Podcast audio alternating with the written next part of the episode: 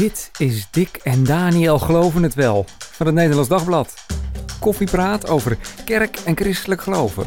Met Dick Schinkelshoek en Daniel Gillissen. Ja, leuk dat je luistert. Behandelingen om mensen die homoseksueel zijn te genezen of te veranderen moeten verboden worden. Dat voorstel, zo bleek deze week, kan rekenen op een behoorlijke meerderheid in de Tweede Kamer. Klinkt goed. Want eh, dat dat dan nog echt mag, hè, vandaag de dag, dat is niet meer van deze tijd, zegt de een. Symboolpolitiek, zegt een ander. Of zelfs een zorgelijke inperking van de godsdienstvrijheid. Uh, intussen legt dat voorgenomen verbod maar weer eens bloot hoe ontzettend ingewikkeld eigenlijk de relatie tussen homoseksualiteit en christelijk geloof is. We gaan erover praten met uh, Alexander Noordijk. Alexander, ontzettend leuk uh, dat je hier bij ons, ja. bij ons bent.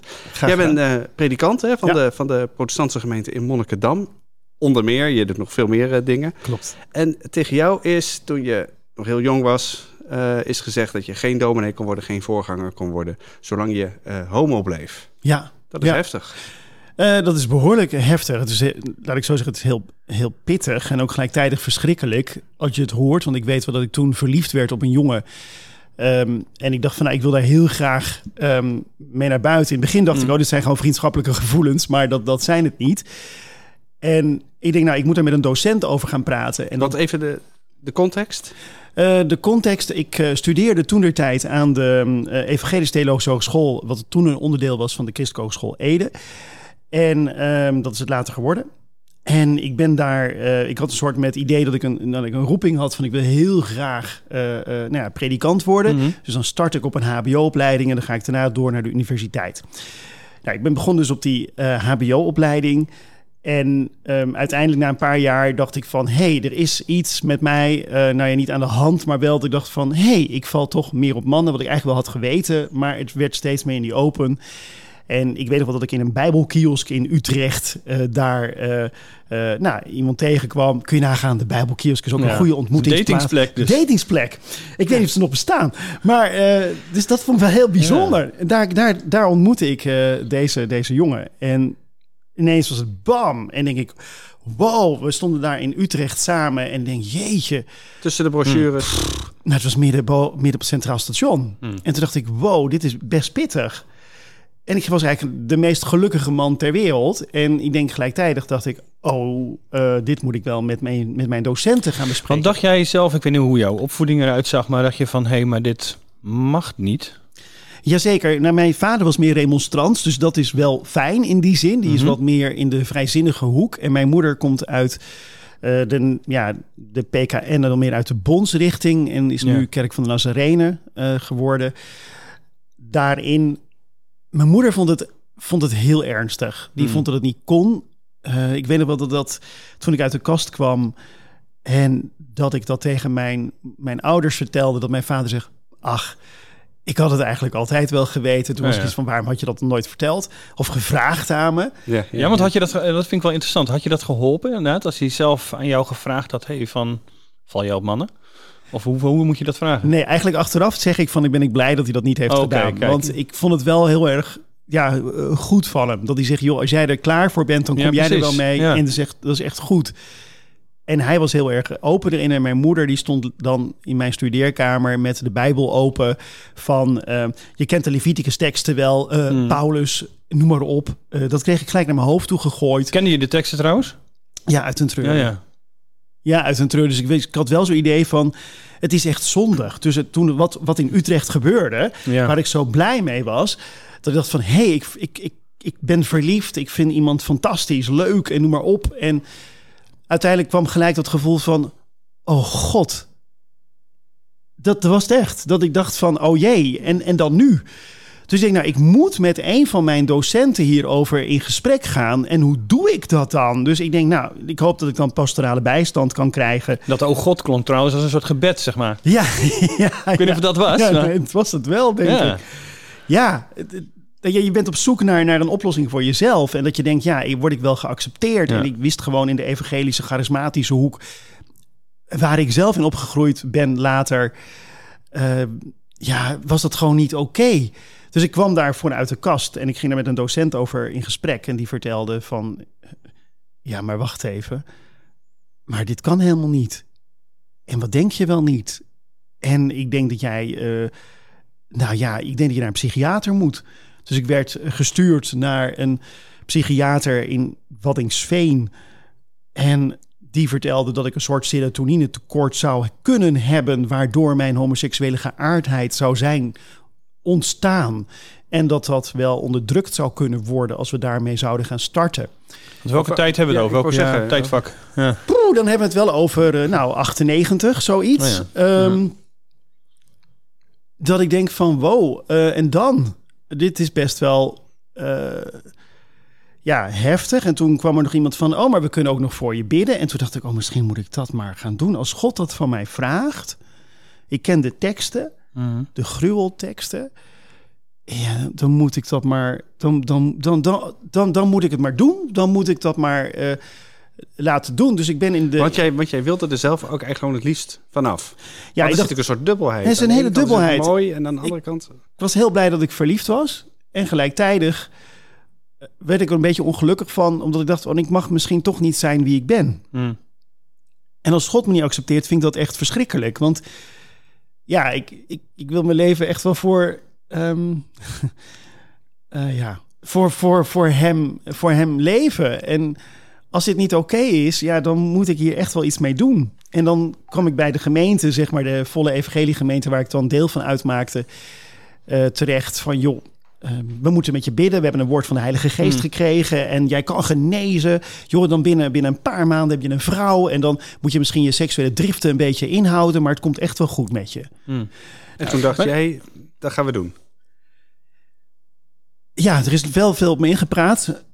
Eh, want ik Ja, ik probeer natuurlijk even te kijken, wat zijn dan invloeden van buitenaf? En Ja, in hoeverre nee. ben je daar dan zelf... eh, Eh, nou, het, was, het was zeg maar wel zo dat mensen dan met mij pastoraal in gesprek gingen en dan aangaven in de Bijbel van je ziet inderdaad dat mannen met mannen schandelijkheid bedrijvende, zoals Paulus dat dan schrijft, eh, dat doe jij dan ook. En je weet dat je dan zondig bent en dan beland je in de hel. En dat is niet de goede boodschap.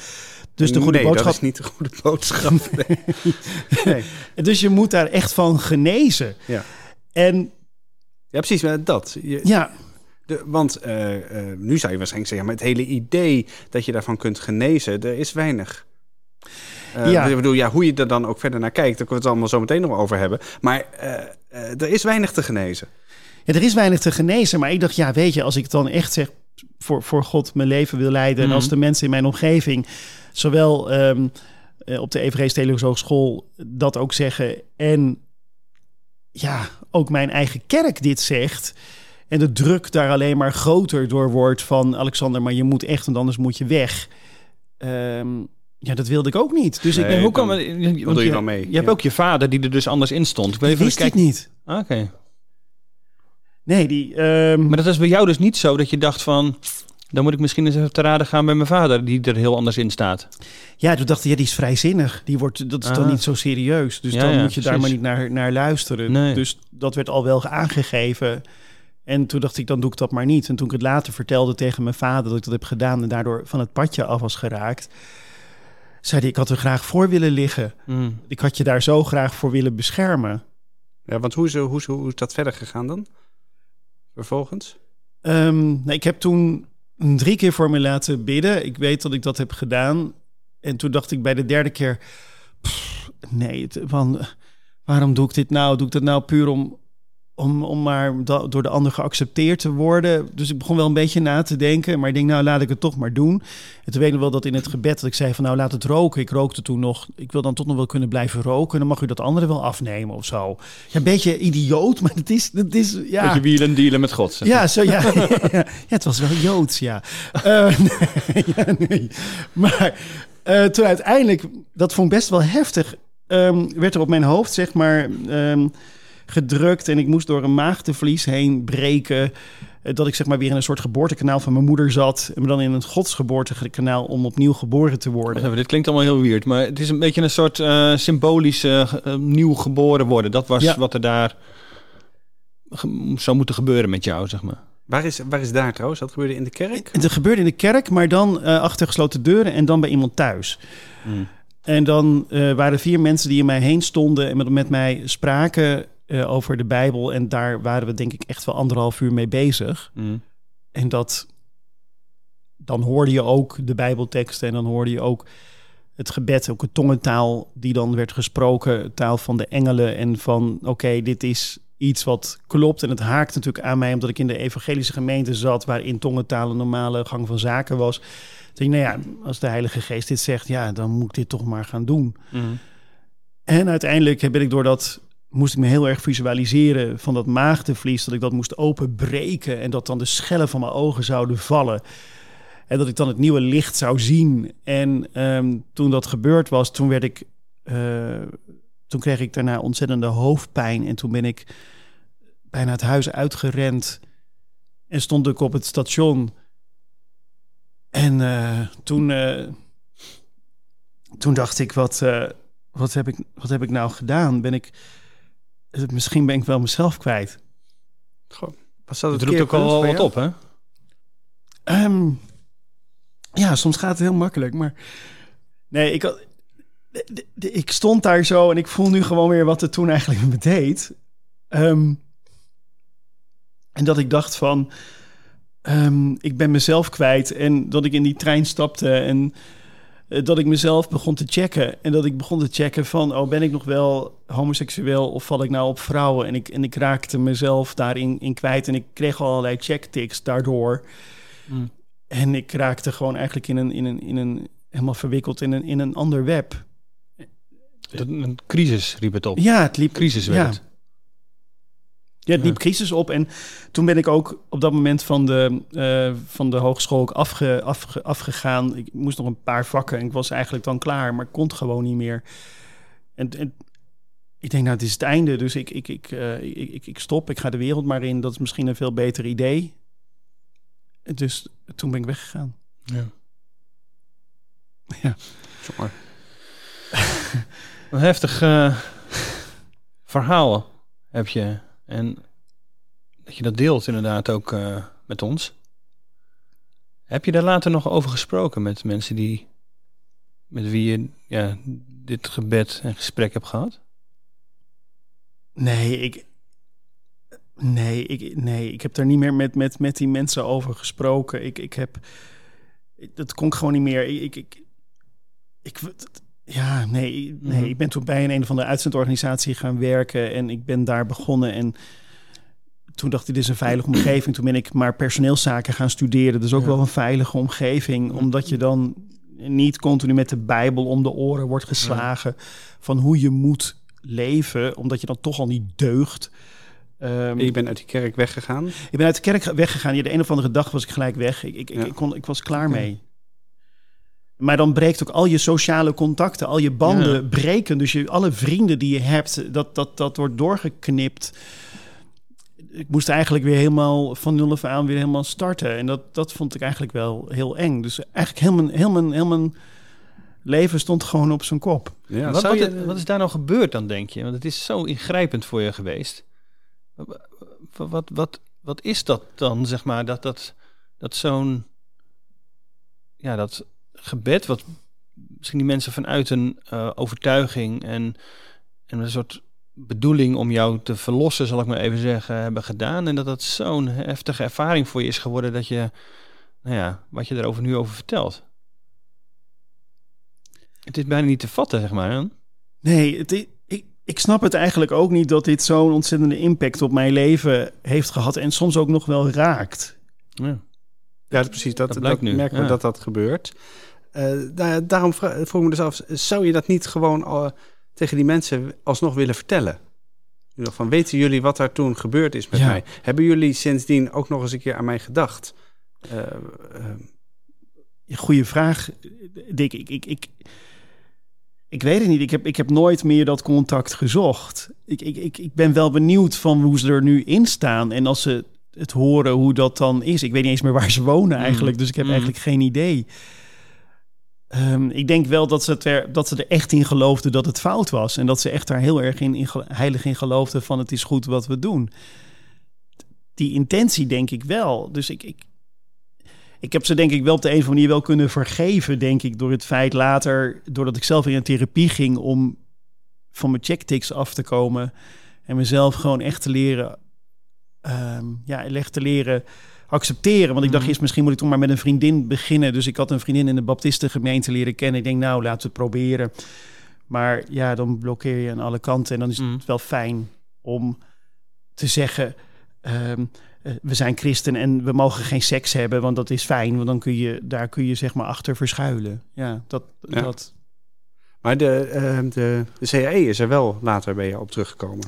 Ja, de, de Christen Hogeschool Ede. Ik ben uiteindelijk ben ik weer ehm, eh, door jaren heen kwam ik weer bij de Evangelische Roze Vieringen terecht in Amsterdam en kwam daar een, eh, een tegen en een predikant. En die was van, joh, zou je niet weer opnieuw je, je opleiding willen gaan doen? Ik zei, nou, het lijkt me toch heel lastig. Ik bedoel, ik hou wel van Jezus, maar niet van al zijn kinderen. Dat vind ik gewoon heel moeilijk. ja, dat vind ik gewoon niet een van de makkelijkste dingen.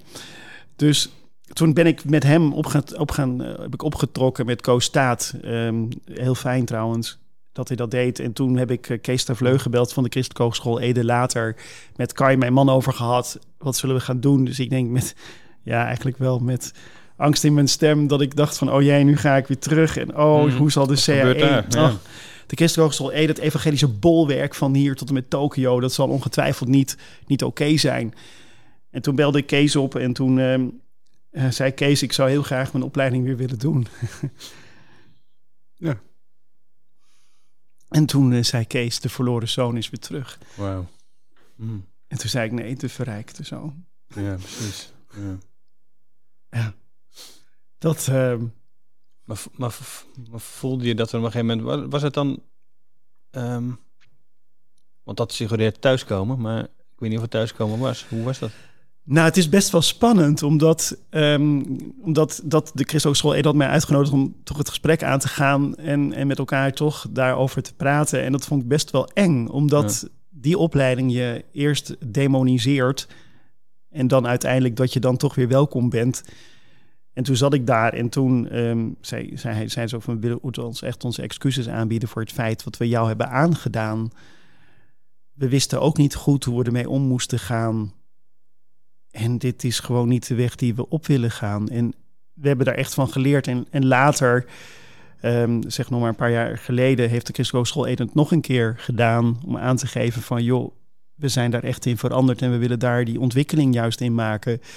Dat het gewoon oké is to be gay. En, en Mm. dat is mooi. Dat je gewoon, het gaat om mens zijn. Het gaat niet om van wie je houdt, maar dat, het gaat om het mens zijn. En dat, ja, dat gaf wel heel veel genezing en heel veel, heel veel heelheid. En toen ben ik daar, was ik blij dat ik het kon rondmaken op de Christelijke Hogeschool Ede en daar uiteindelijk eh, goed geslaagd ben. Dat is een vorm van, een vorm van herstel. ja, zeker.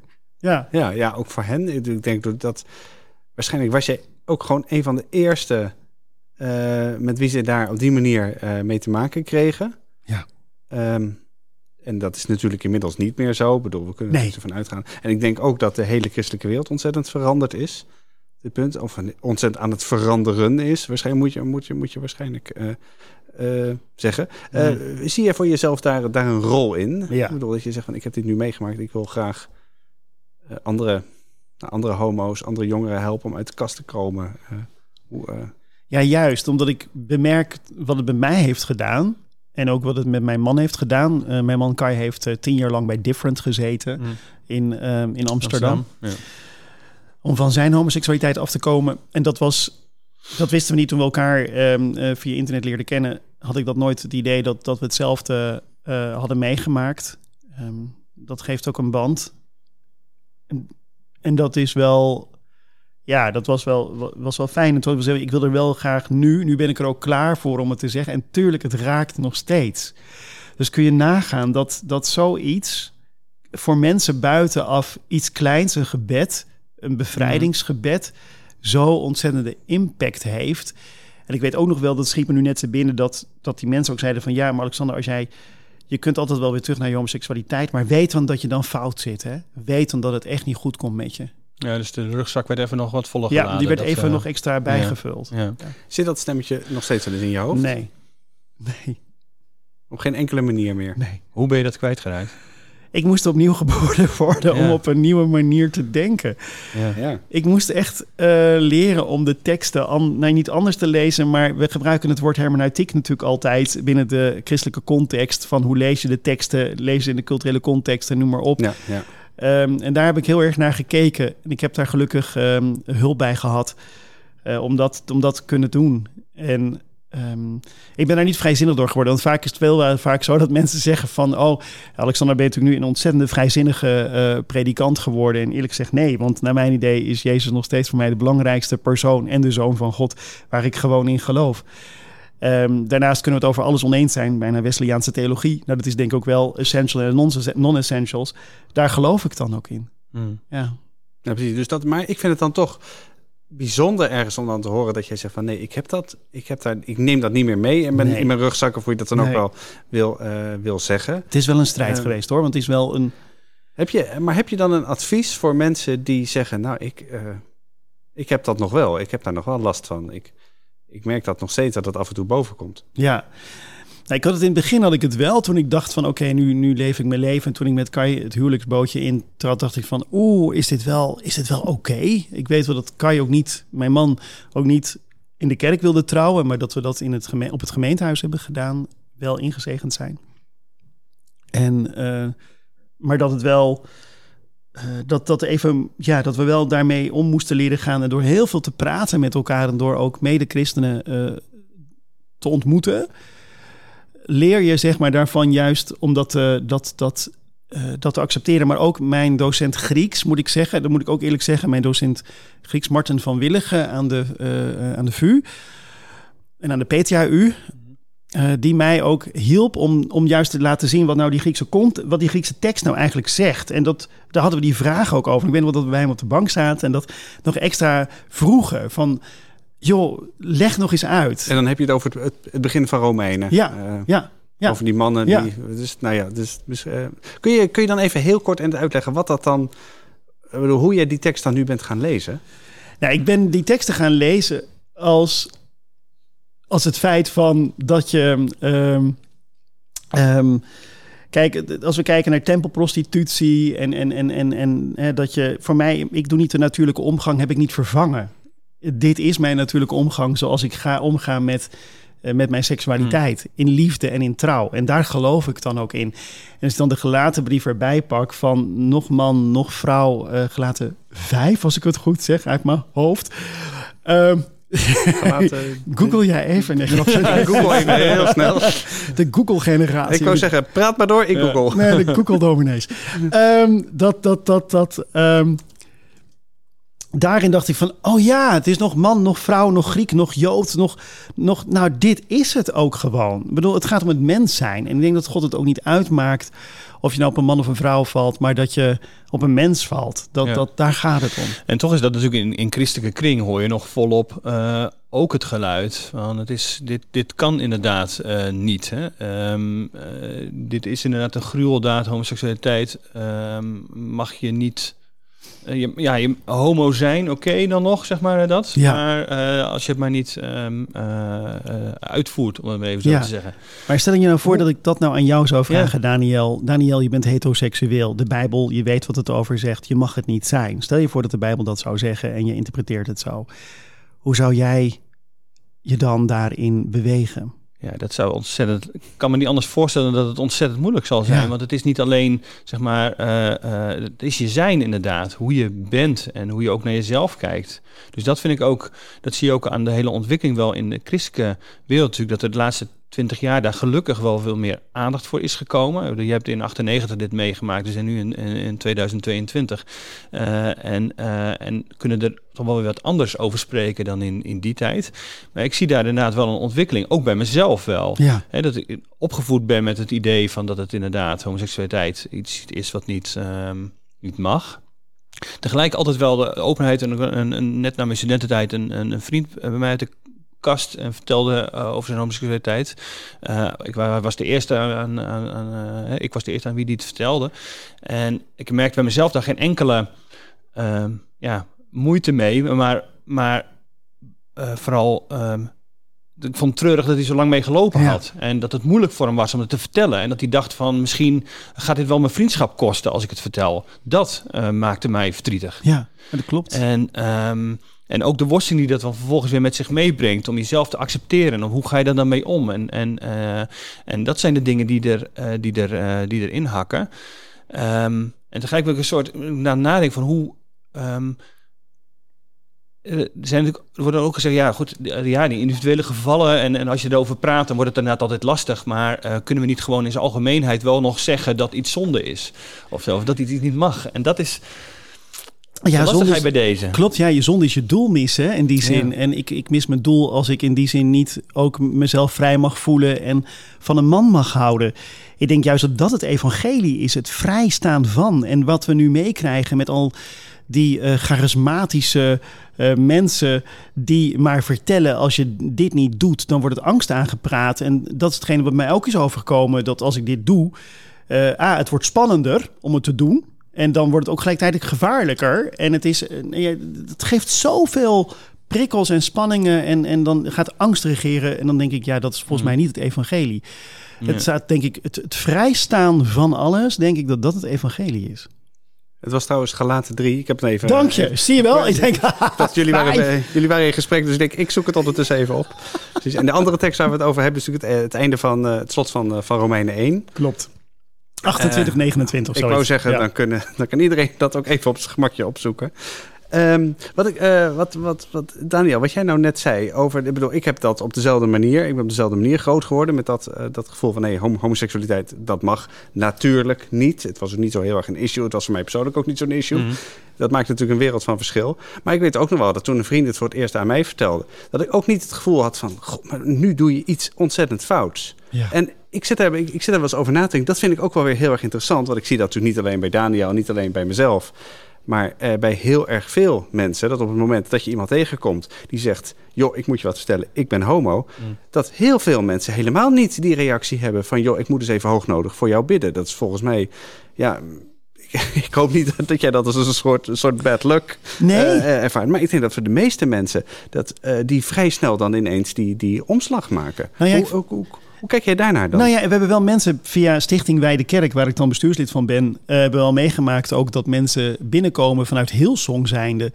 Eh, en dit soort. Evangelische gemeente. in, Evangelische eh, gemeente. Daar- Bij de kerk even, dat is? Wat zeg je? Bij de kerk, kun je nog even toelichten? Oh, dan ga je even gewoon, gewoon even ondertitelen. Oh, Ja. is goed. Oh, excuus. Dankjewel, Daniel. Dat was ik helemaal vergeten. Eh, Stichting Wijde Kerk is opgericht voor ehm, LHBTI-christenen.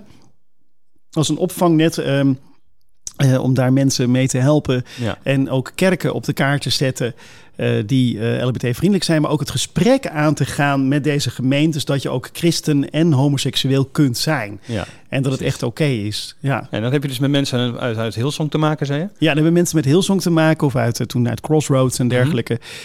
Eh, dat, dat zij uit de kast komen en dan niet meer welkom zijn daar. En dat ze dachten eerst van, oh, eigenlijk een beetje de naïviteit van mijzelf. En dan praat ik echt over drie jaar geleden. Mm. Van die lopen dan naar de pastoor toe of naar de oudste toe en zeggen, joh, eh, ik ben verliefd geworden op haar. Hè? Dus het waren twee meiden. En ehm, wij zouden eigenlijk wel met elkaar willen bidden. En toen zei die man, waar, waar denk je wel waar je nu mee komt? Je moet stoppen met je kinderwerk, je moet stoppen met, eh, met je jeugdwerk, je moet dit en dat. En als je dat allemaal niet doet, nou, dan moeten we ook nog een beetje eh, een gebedssessie, ministry gebed gaan doen. Nou, dat kwam de hele, eh, nou, dacht, jongens, dan heb ik het echt over, nou, drie jaar geleden. Ja, precies. Je zegt dus van nou, zo erg gekanteld is het nog niet overal. Nog niet overal. We zien natuurlijk wel een beweging. Ik denk dat dat heel, heel goed is. Daar heb je natuurlijk ook weer mensen van, oh, dat is natuurlijk geen goed idee. Maar, hè, want het is bijna de lakmoesproef van als je eh, homoseksueel bent, dan kun je geen echte christen zijn. Mm. Ehm, shame on you, zou ik dan zeggen. Ehm, maar ja, dat. Ja. Ja, maar wat ik, wat ik nou bedoel, dat dat bij- bijvoorbeeld bij mij ook heel geruisloos is gegaan. eh, ergens, dat ik eh, dacht, ja, die tekst, ja, waarschijnlijk moet je die dan anders lezen. Ja. Want dat heeft ook mee te maken, het is, het is zo contra-intuïtief. Aan de ene kant, je denkt van blijkbaar de, de God, de Bijbel verbiedt iets. Maar ik zie twee mensen die heel erg veel van, van elkaar houden. En ik, ik krijg dat niet bij elkaar. Ik bedoel, je moet toch ergens een soort idee hebben dat als God dan iets verbiedt, dan moet het wel min of meer evident zijn dat het dan heel, heel, heel slecht is voor je. Ja, klopt. Ja, nee, Jezus heeft het er zelf ook niet over. Dus het wordt ook niet in zijn mond genomen om daar iets over te vinden. En daar iets over te zeggen. Als het heel belangrijk was geweest, denk ik dat Jezus het ook absoluut had genoemd en geëxpliciteerd. Maar waarom is het Ja. nu dan zo'n lakmoesproef? zoals Of is dat dan dat, dat, dat dan eh, eh, hetero's het zo tot, gewoon totaal niet kunnen voorstellen dat je op hetzelfde geslacht valt en dat dat dus ergens toch een, dat het dus niet zo eh, voor hen eh, helemaal niet zo logisch is, zeg maar, als jij zegt zo eh, dat dat God dat afwijst, Ja. omdat je dat zelf misschien soort niet kunt indenken ja, of zo. Maar ja, maar ik bedoel, ik, ik val niet op iemand van, van ik val niet op mannen. Eh, en toch heb ik niet dat gevoel. Dus dat is blijkbaar ook dan, dat ook wel gezegd van, vanuit, Ja. er komt dan een soort walging. Ik kan me daar ook niet zo heel veel bij voorstellen. Hmm. Dus hoe... eh, Nou ja, ik heb wel, we hebben op de Protestantse Theologische Universiteit hebben we het hierover gehad. Ja. En dat vond ik heel goed bij het, eh, eh, bij het vak ethiek. Ehm, waarbij eh, Pieter Vos eh, de docent was. En even compliment naar Pieter hoe hij dat, eh, dat heeft geleid. Daar ben ik echt wel heel blij mee. Maar gelijktijdig ook best wel spannend. Want dan zit je daar in je, in je collegezaal en dan Mhm. denk je... Oh, mijn hemel, waar gaat het naartoe? En dan zegt iemand, ik ben een bijbelgetrouw christen, dus bijbelgetrouw. hè? Ja, ja. Dat eerst zei hij dat niet. Zegt nee, weet je, het is nu homoseksualiteit, zijn medestudent. En straks is het pedoseksualiteit. Dus een afgeleidende schaal. Ja, ja. Ik denk, nou ja, dat vind ik gelummel. Daar ga ik niet over in gesprek. Maar toen hij zei bijbelgetrouw christen, dacht ik, wacht even. Wat is een bijbelgetrouw christen? En ik denk dat veel mensen dit eh, denken van dat je dan geen bijbelgetrouw christen bent als je homoseksuali- homoseksuele ja, praktiseert en noem maar op. Mhm.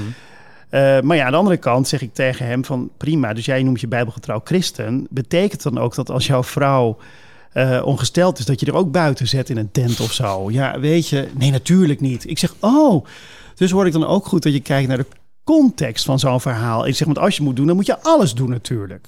Nou, goed dat. dus je bent trouw of je bent niet trouw Ja. aan, aan de Bijbel. Ja. Ja. Maar, heeft, heeft zo'n zo'n therapie nou, hè, of het verbod daarop, wat, wat vind je daarvan? En Werkt dat inderdaad, eh Dick zei aan het begin van dit eh, Ja. gesprek al even van hoe de reacties erop zijn, van dit is eh contraproductief of het, eh, eigenlijk de symboolpolitiek of dat soort dingen. Of heeft het, is het, eh, heeft het wel zin? Is het goed dat dit eh, uitgesproken wordt? Ja, ik denk dat het wel goed is. Ik denk dat het. eh, wat voor schade het kan, eh, het kan berokkenen. Eh, we hebben ook meegemaakt dat mensen. durven nog steeds mensen niet daar heel open over te spreken. omdat het nog zo pijnlijk is. Ik, ik, en dat, herken ik natuurlijk soms ook Ja. wel. Ik merk wel hoe vaak je erover praat, hoe, hoe, hoe beter het is. Hè? Dus je schept ook in die zin ook ruimte voor jezelf en voor de ander. Ehm, dus ik denk wel dat het goed is dat, dat het schadelijk is dat, dat, het, eh, dat deze therapieën worden verboden. Eh, omdat ehm, het is goed om te bidden. Bidden is natuurlijk altijd iets heel moois. Hè? Daarmee betrek je God in, in, in heel je leven. Maar het ligt er net aan van hoe je, hoe je inderdaad ehm, zeg maar het een en het ander. eh, eh, dus gebed is denk ik goed om te gebruiken.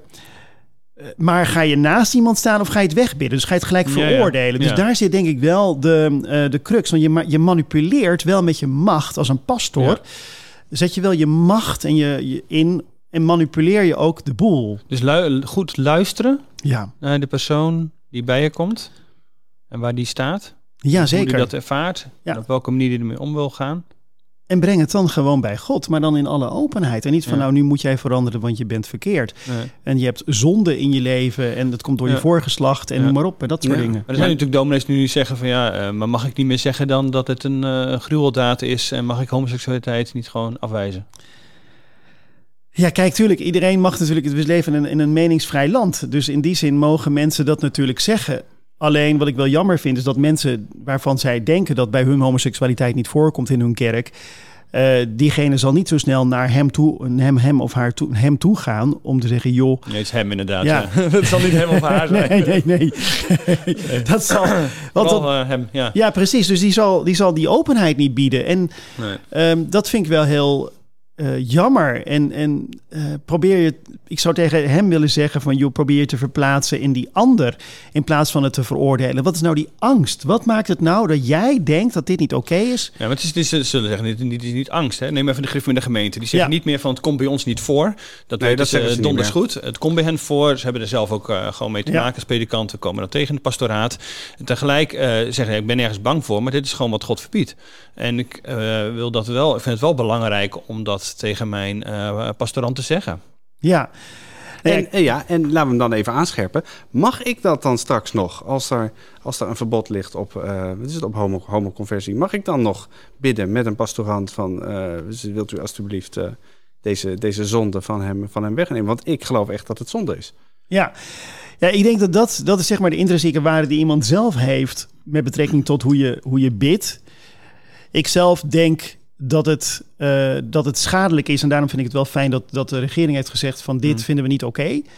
Eh, dit gaat echt te ver, omdat er gewoon uit onderzoek is gebleven, gebleken dat er gewoon te veel schade is, is ontstaan.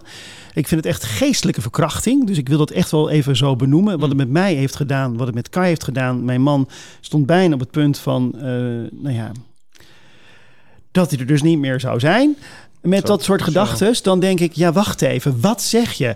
Als, als, als uh, Genesis 1 zegt, bara, ik schep, dan schep jij met jouw woorden op dat moment wel zo'n donderwolk. En dan wil je niet weten, dan is het niet meer open, dan is het ook niet meer vrijstaan, dan is het gewoon echt zoiets van, jij deugt niet. Ja, die woorden zijn niet neutraal. Zeker niet. Uitspreekt. Nee, terreur, terreur. Terreur, ja. Maar, maar, eh, maar er is nog iets anders dan zeggen: het is een totaal verwerpelijke praktijk. Ja. En dit, dit mag niet. En hier moeten we tegen waarschuwen. En hier moeten we eh, alles tegen doen. Wat, wat maar in ons vermogen ligt. Of dat je zegt: we, we uh, verbieden het ook echt. En want dan moet de overheid natuurlijk ook gaan, gaan handhaven. Dan krijg je: ja, wat mag dan nog wel, wat mag dan natuurlijk niet. Hè? Dan komt het in het spel van, de, van, het, van het juridische terecht. Klopt. klopt. Uh, is dat wel zo zinvol? Nou, is het zo zinvol? Ik denk. Ik vind het ook een lastige vraag hoor. In die zin van. van maar ik denk zelf dat het, dat het goed is dat, um, dat, dat er paal en perk wordt gesteld van jongens, dit, dit, dit brengt schade. Um, en dan denk ik niet eens dat God dit doet, maar dat dit een mens doet.